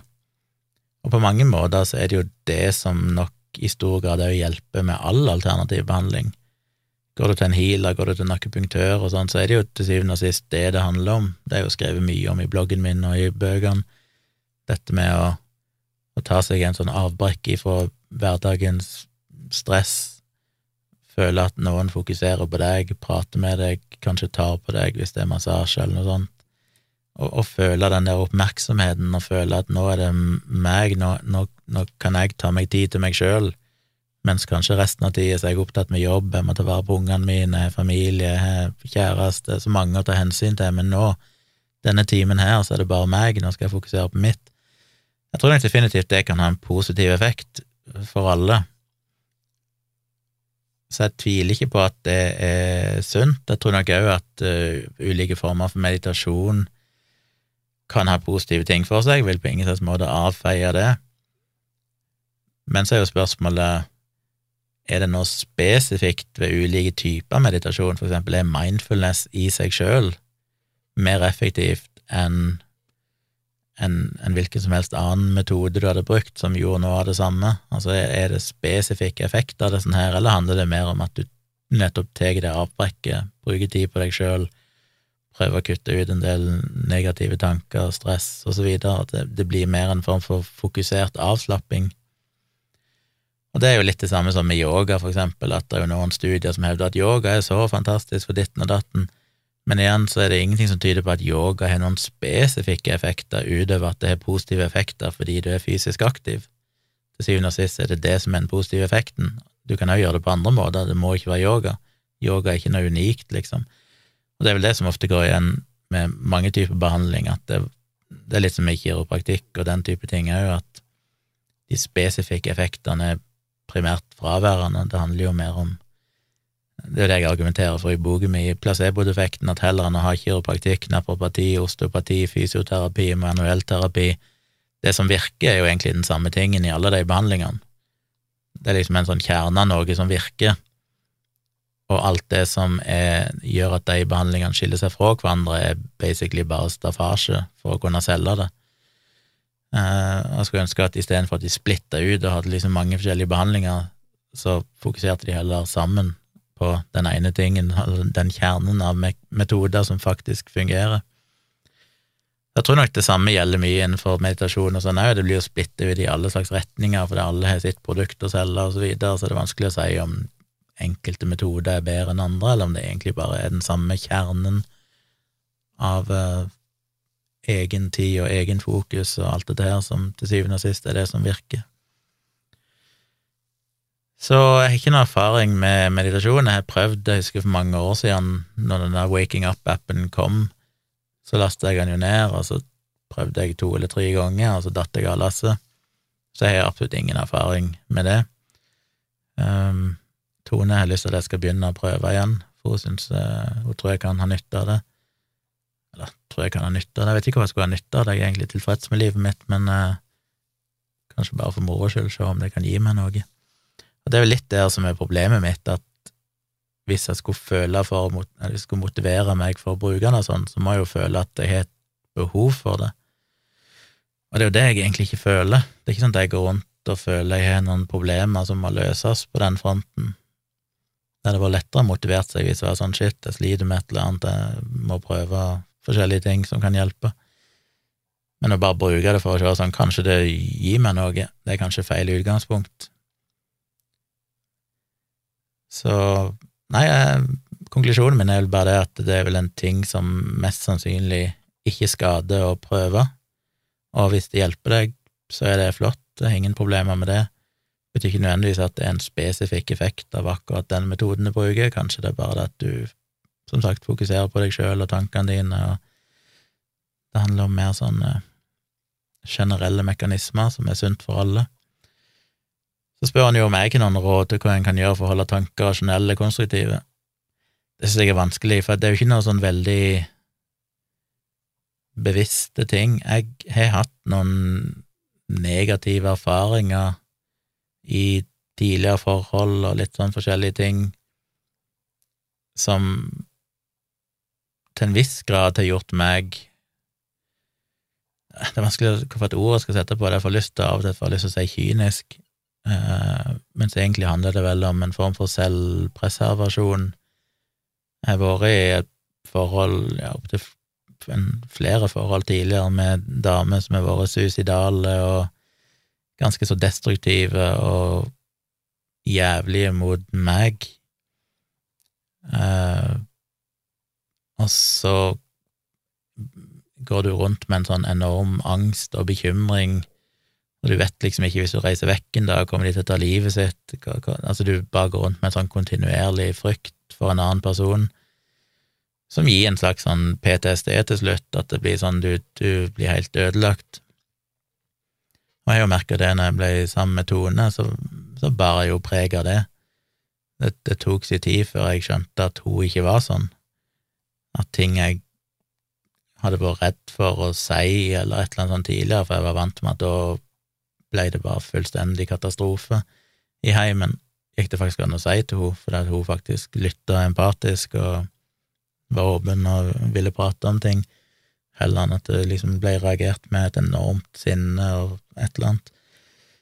Og det, det tar veldig lang tid å avvenne seg en del sånne ting du lærer til deg, men det jeg lærte av de erfaringene, var at jeg til en viss grad fant ut at jeg kan ikke Jeg må på en måte bry meg mindre, fordi ellers så går jeg til grunne sjøl. Og på en måte så tror jeg det var positivt i forhold til Tone, som jo har slitt med veldig mye ganske heavy shit, at jeg på grunn av de tidligere erfaringene mine så kunne jeg ha et litt mer nesten kynisk og kaldt forhold til henne der jeg inntok en sånn posisjon at jeg gjør alt jeg kan for å hjelpe og, og være der for å snakke med og være empatisk, ikke dømme, ikke kritisere ting som jeg vet springer ut av hennes uh, mentale helse, men samtidig ikke ta det for mye inn over meg og tenke litt sånn ok, hvis det skjer, så skjer det. Det kan ikke jeg egentlig gjøre noe med, jeg kan ikke redde henne, jeg kan ikke kurere henne. Eh, hun må få hjelp av profesjonelle. Jeg kan være der som kjæreste og partner, støtte og gjøre alt jeg kan på den fronten, men jeg kan ikke være hennes ene store krykke i livet, liksom, som jeg har vært i en del andre forhold. Og det har vært litt sånn vanskelig for meg, fordi at jeg har lyst til å, å gi mer, men jeg har lært meg å, å distansere meg litt. Så det er jo en av de tingene jeg har lært meg, eh, som kanskje har hjulpet meg en del men ellers er jo mye av min, mitt forhold til verden er jo basert på at jeg føler meg sånn semiautistisk, ekstremt introvert, ikke ikke bryr meg så mye om meg sjøl. Jeg er jo en person som Jeg syns det var litt interessant. Jeg eh, snakka med ei venninne her for ikke så lenge siden, og vi snakket litt om nyrestein og gallestein og litt sånne ting, og, og hvordan det var. Og jeg har jo hatt noen operasjoner og sånn tidligere som eh, legene har sagt at dette kommer til å være helt forferdelig, og jeg har hatt eh, sånn koloskopi, kolonoskopi, ting oppi tarmen og ting nede i spiserøret og i alle retninger, og du blir alltid advart om at dette er noe av det mest smertefulle du kan gjøre, og bla, bla, bla. Og hver gang så er det sånn, ja, dette var ikke så ille. Jeg hadde nyrestein, det var så vondt at jeg kasta opp, og, men jeg tror fordi at eh, smerte er så veldig tett knytta opp mot frykt og angst, og jeg har relativt høy terskel for å oppleve frykt og angst på den måten. Jeg behandler jo de, de tingene mer rasjonelt, mentalt, og da blir jo smerten mye mindre. Så jeg tror nok at folk som har mer helseangst, på en måte, eller bare generelt sett mer angst i livet sitt, nok òg kanskje vil oppleve den type smerte verre fordi det blir så dramatisk for dem. Så jeg tror det er en av mine en av sånne fordeler jeg har med at når jeg opplever noe sånt, så er jeg egentlig veldig rasjonell til det òg. Husker når jeg fikk nyrestein, så bare la jeg meg ned på seng, jeg googla nyrestein, så på symptomene, for det var det første jeg tenkte, dette her må være nyrestein. Hadde aldri hatt det før, men hadde tenkt at høyre smerter bak i ryggen på høyre side, det må jo være nyrene. Googla, fant ut at symptomene stemte på en prikk, og så var det liksom greit. Og da har jo jeg den der todelte hjernen min, som er både en god ting og òg en, en, plage, den her analytiske delen som aldri slipper taket, der jeg både kunne ha det så vondt at jeg kasta opp og tenkte at dette her er helt, helt jævlig, og så samtidig så hadde jeg en del som tenkte at dette er jo ingenting. Millioner av mennesker har hatt nyrestein før deg, Jesus Christ, dette går jo helt fint, det er jo bare å komme seg til legen og, og få smertestillende eller et eller annet, og så går det greit. Det gjør jo at jeg ikke får den der frykten knytta til det. Det er ikke sånn at jeg tenker 'Å, nå kommer jeg til å dø', og Så det å, å ha en rasjonell tilnærming til ting er jo faktisk en veldig god hjelp ofte. Eh, men selvfølgelig kan ikke alle bestemme det. Jeg har vært heldig og aldri hatt noen problemer med angst og depresjon og sånt. Det er jo ikke noe en velger sjøl. Jeg var heldig nok til å, å, slippe det, og derfor så kan jeg innta et ganske sånn rasjonelt forhold til det, for det er ikke en, en låg terskel for å få trigga en form for angst og sånt. Men igjen, så henger nok det litt sammen med erfaringer jeg har hatt tidligere i livet, som har gjort at jeg er blitt litt mer sånn distansert ifra mine egne følelser, kanskje. Igjen, på godt og vondt. Det er godt fordi det kan bidra til å skjerme meg for en del negative erfaringer som ville gått veldig inn på meg, og kanskje dumt fordi at jeg Og det er ikke et bevisst valg, men jeg har jo alltid følt Eller ikke alltid følt det. Jeg har ikke alltid vært sånn, men jeg har ikke blitt bevisst det før de siste årene, egentlig. Det er mye jeg har blitt bevisst de siste årene over hvor ekstremt rar jeg er på mange måter, som er en grunn til at jeg alltid mistenkte at her kan jeg egentlig ha autisme uten at det er blitt diagnostisert. For jeg synes det er veldig vanskelig å, å connecte med mine egne følelser, i den forstand at jeg kan føle noe, men ikke helt vite hva det er. Så det er jo sånn meg og Tone kan snakke om et eller annet, og så merker jeg bare at Snakke om noe vanskelig, for eksempel, og så merker jeg at eh, jeg blir så vet jeg ikke hva jeg blir. Jeg blir bare et eller annet, og så blir jeg stille, og så vil Tone jeg skal si hva jeg tenker, si hva jeg føler, og så klarer jeg det ikke, for det er sånn, jeg vet jo ikke hva jeg føler. Jeg føler et eller annet, men jeg vet ikke om det er irritasjon, eller om det er sorg, eller om det Jeg vet ikke. Jeg har liksom ikke et begrepsapparat som kan sette ord på akkurat det. Og det er nok noe jeg eh, til en viss grad kan savne men som jeg òg tenker er en god ting på mange måter, for det gjør òg at jeg ikke dykker for dypt ned i det. Det blir litt sånn Hvis jeg hadde vært veldig opptatt av å sette ord på det og beskrive det og sånn, så tror jeg det hadde blitt en mye større greie. Uh, det høres nok egentlig ut som en veldig sånn manneting, sånn stereotyp som menn og følelser og bla, bla, bla, som jeg egentlig irriterer meg litt over, for jeg er jo veldig emosjonell. Det skal jo veldig lite tid til, for jeg sitter jo og griner omtrent hver dag av å sitte og se på reaction-videoer på YouTube. Og, altså, det er ikke det at jeg ikke er emosjonell, men det er mer det at når de Det er litt som den der hypokonderlegen, som jeg ikke husker navnet på, sier at jeg ikke tror på dine egne tanker. Og der er mye det, altså. Jeg er jo litt opptatt av at folk bør lytte mindre til kroppen sin. Jeg tror folk ofte lytter altfor mye til kroppen sin. Folk er altfor opptatt av 'å, jeg har litt vondt her', 'å, jeg har litt ubehag der'. Ja, så fuck det. Det er livet. Gå nå videre. Jeg er jo litt redd for at jeg plutselig kan ha en, en grapefruktaktig kreftsvulst i hjernen som legene blir helt sjokkert over at jeg ikke har merka tidligere. For vi har båret på den i 15 år, og så er det bare sånn Jeg merker at det var noe i hodet, men jeg har egentlig aldri tenkt over det. Det er litt det jeg er redd for, at det plutselig hender en alvorlig sykdom, og så har jeg bare ignorert det. Men jeg er litt sånn, jeg, jeg går egentlig ikke rundt sånn som nå, jeg har hatt vondt i armen i en måned snart. Skikkelig vondt. Jeg vet ikke helt hva det er.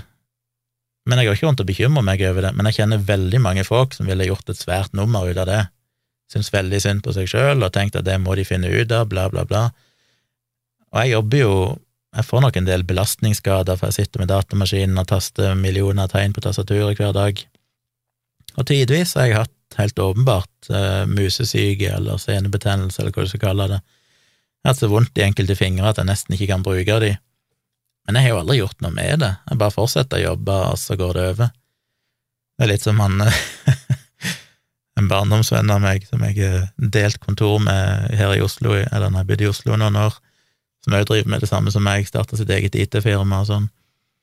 Han sa jo at etter han fikk covid-vaksinen, så hadde han jo fått uh, enten myokarditt eller perikarditt, og han hadde så jævlig vondt i brystet.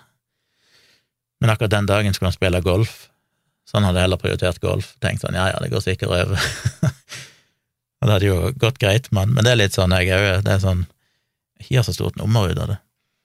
Nei, kanskje det var, hadde kanskje det vært en ting som han burde ha gått til legen for, jeg skal ikke fraråde folk å gjøre det, men Jeg vet ikke om dere skjønner hva jeg prøver å si, men poenget er det at jeg syns veldig mange er veldig veldig opptatt av seg sjøl og akkurat hvordan de føler det til enhver tid, mens jeg er nok veldig motsatt. Jeg er ikke så veldig opptatt av hvordan jeg føler ting. Jeg har jo sagt det mange ganger, at jeg alltid har irritert meg over folk som klager over at 'å, det er litt dårlig luft der inne', og, hvis de er ute og det begynner å regne litt, så er det sånn 'å, shit, det regner, vi må, å, vi skulle hatt en paraply', og så er det sånn 'Jesus Christ, gjør det noe å få litt regn på seg'? Gjør noe? Luft har aldri merka noen gang i mitt liv at det er dårlig luft en plass. Hva er det for noe? Jeg vet ikke hva det er for noe. Hva er dårlig luft? Jeg puster jo. Det er luft der. Vær fornøyd med det. Og om det bare henger sammen med jeg er oppvokst med den her engelske mor mi, som alltid var mantraet hjemme hos meg, var jo bare alltid 'don't make a fuss'. Det var liksom greia, det. Skulle jeg aldri klage på noen ting. Skulle jeg være fornøyd, skulle jeg ikke klage. Og det syns jeg egentlig har fungert greit. Det er sånn Folk syns jeg klager for mye. Det var en av de tingene mange av mine kjærester opp gjennom årene har sagt, at du klager egentlig aldri. Og jeg er jo fornøyd, uansett hva som skjer. Reiser på en ferie, og hotellrommet er bedriten, så er det sånn, ja ja, men det er det hotellrommet vi fikk. Eh, det er ei seng her, det er en dusj, det er sikkert helt fint. Eh, mens mange andre jeg kjenner, ville vært sånn lagd drama ut av at ting ikke var akkurat sånn som de forventa det, eller det var ikke så bra som de hadde håpet, eller Jeg vet ikke, jeg, jeg tror det beskriver mye av føler jeg, da, grunnen til at jeg stort sett har det greit. Det er fordi at jeg har en veldig Det er litt som med, med mat òg. Når jeg ser folk klage på sykehjemsmat eller maten de får på fly, eller Det er det beste jeg kan få. De gangene jeg har vært innlagt på sykehus, og det kommer en sykepleier med en tallerken med to brødskiver og ost og et glass med appelsinjuice, det er altså som å gå på Maemo for meg. Jeg kan ikke tenke meg det mer fantastisk. Jeg elsker jo fjordland. Altså, simpel mat, bare det at noen bryr seg og kommer med ei skive til deg, hva mer kan du forvente, liksom? Det er en største luksus jeg kan få i livet mitt. Så det er vel et eller annet med å ha bare Jeg er vel alltid jo vant med at hvis du skal At du kan ikke forvente å få noen ting gratis, du må gjøre det sjøl. Som òg er helt ifra jeg var ungdomsskolealder så er jo jeg alltid, og mine brødre, alltid vært de som gjorde ting. Det var vi som starta band og arrangerte diskoteker og arrangerte forestillinger, og liksom vi som dro i gang veldig mye. Selvfølgelig var det andre òg som gjorde det innenfor andre områder, sånn som idrett og sånn, men innenfor kultur så var det mye oss. Det var vi som var pådriverne, for det, hvis ikke det vi gjorde det, så var det ingen andre som gjorde det. Og sånn har jo liksom livet mitt vært. Jeg har liksom alltid bare prøvd å få til ting sjøl og ikke forventa at noen andre skulle fikse det for meg, og hatt veldig lave forventninger til verden rundt meg, tenker at det er stort sett mitt ansvar å, å fikse ting sånn at ting blir bra for meg sjøl, og da går jeg ikke rundt og bekymrer meg så veldig over Må kanskje finne ut av den armen min snart nå, for det er kanskje litt lenge. Jeg begynner å lure på om jeg kan ha fått en brist eller et eller annet. Men det er jo sånn typisk meg, jeg kan ha fått et eller annet sånn, og så har jeg bare ignorert det. Går med et brekt bein i to måneder fordi jeg ikke gidder å bry meg om det. Men det er vel ikke et, et, råd jeg kan gi, for jeg tror ikke det er noe du nødvendigvis bevisst kan bestemme deg for å gjøre. Eller jo, jeg tror egentlig det òg, for det er noen sånne valg jeg har tatt gjennom livet der jeg har slitt med et eller annet, og så har jeg bare bestemt meg for at fuck this shit, sånn kan jeg ikke leve. Og så har jeg bare endra tankesett, og så har jeg begynt å få det bedre. Så til en viss grad så er jeg litt tilhenger av jeg sier ikke at det er lett, jeg sier ikke alle kan gjøre det. Jeg kunne heller ikke gjort det på alle ting, sikkert, men det kan være områder du kan gjøre det på, og faktisk ta et bevisst valg og prøve å tenke annerledes. Og så er det jo det med å prøve å gjøre å tenke at å ikke legge skyld på andre, tror jeg er en veldig viktig egenskap som jeg på ingen måte er perfekt på, men vi har jo snakket litt om det i forbindelse med det med åpent forhold og sjalusi og sånn. Eh, det kan være ett eksempel, da, hvordan jeg mener at samfunnet legger opp til at sjalusi skal være en naturlig eh, følelse å ha, som du har rett på å ha, og hvis du føler sjalusi, så er du rett til å bli sur på noen andre. Men det premisset er jo helt feil, for hvis du føler sjalusi, så er det jo helt irrelevant hva andre har gjort. Det eneste som betyr noe, er hva er det, hva er det du føler, og hvorfor føler du det sånn? Hvorfor føler du deg sjalu, og hva kan du gjøre med det? Mens de fleste bare tenker jeg er sjalu fordi den andre partneren min gjorde et eller annet, dermed så må jeg ta det sinnet ut på partneren min. Men for meg så blir det helt motsatt, det blir sånn, og igjen, Jeg er jo ikke perfekt på dette på noe vis, selvfølgelig kan jeg òg bli irritert på andre, men på enkelte områder så prøver jeg å være bevisst på at hvis jeg føler en følelse, så er det min følelse. Det er jeg som er ansvarlig for hvordan den følelsen er. Eh, og sjalusi er en ting jeg bevisst endra veldig fra at jeg for en 30 år siden med min første kjæreste følte en enorm sjalusi for et eller annet.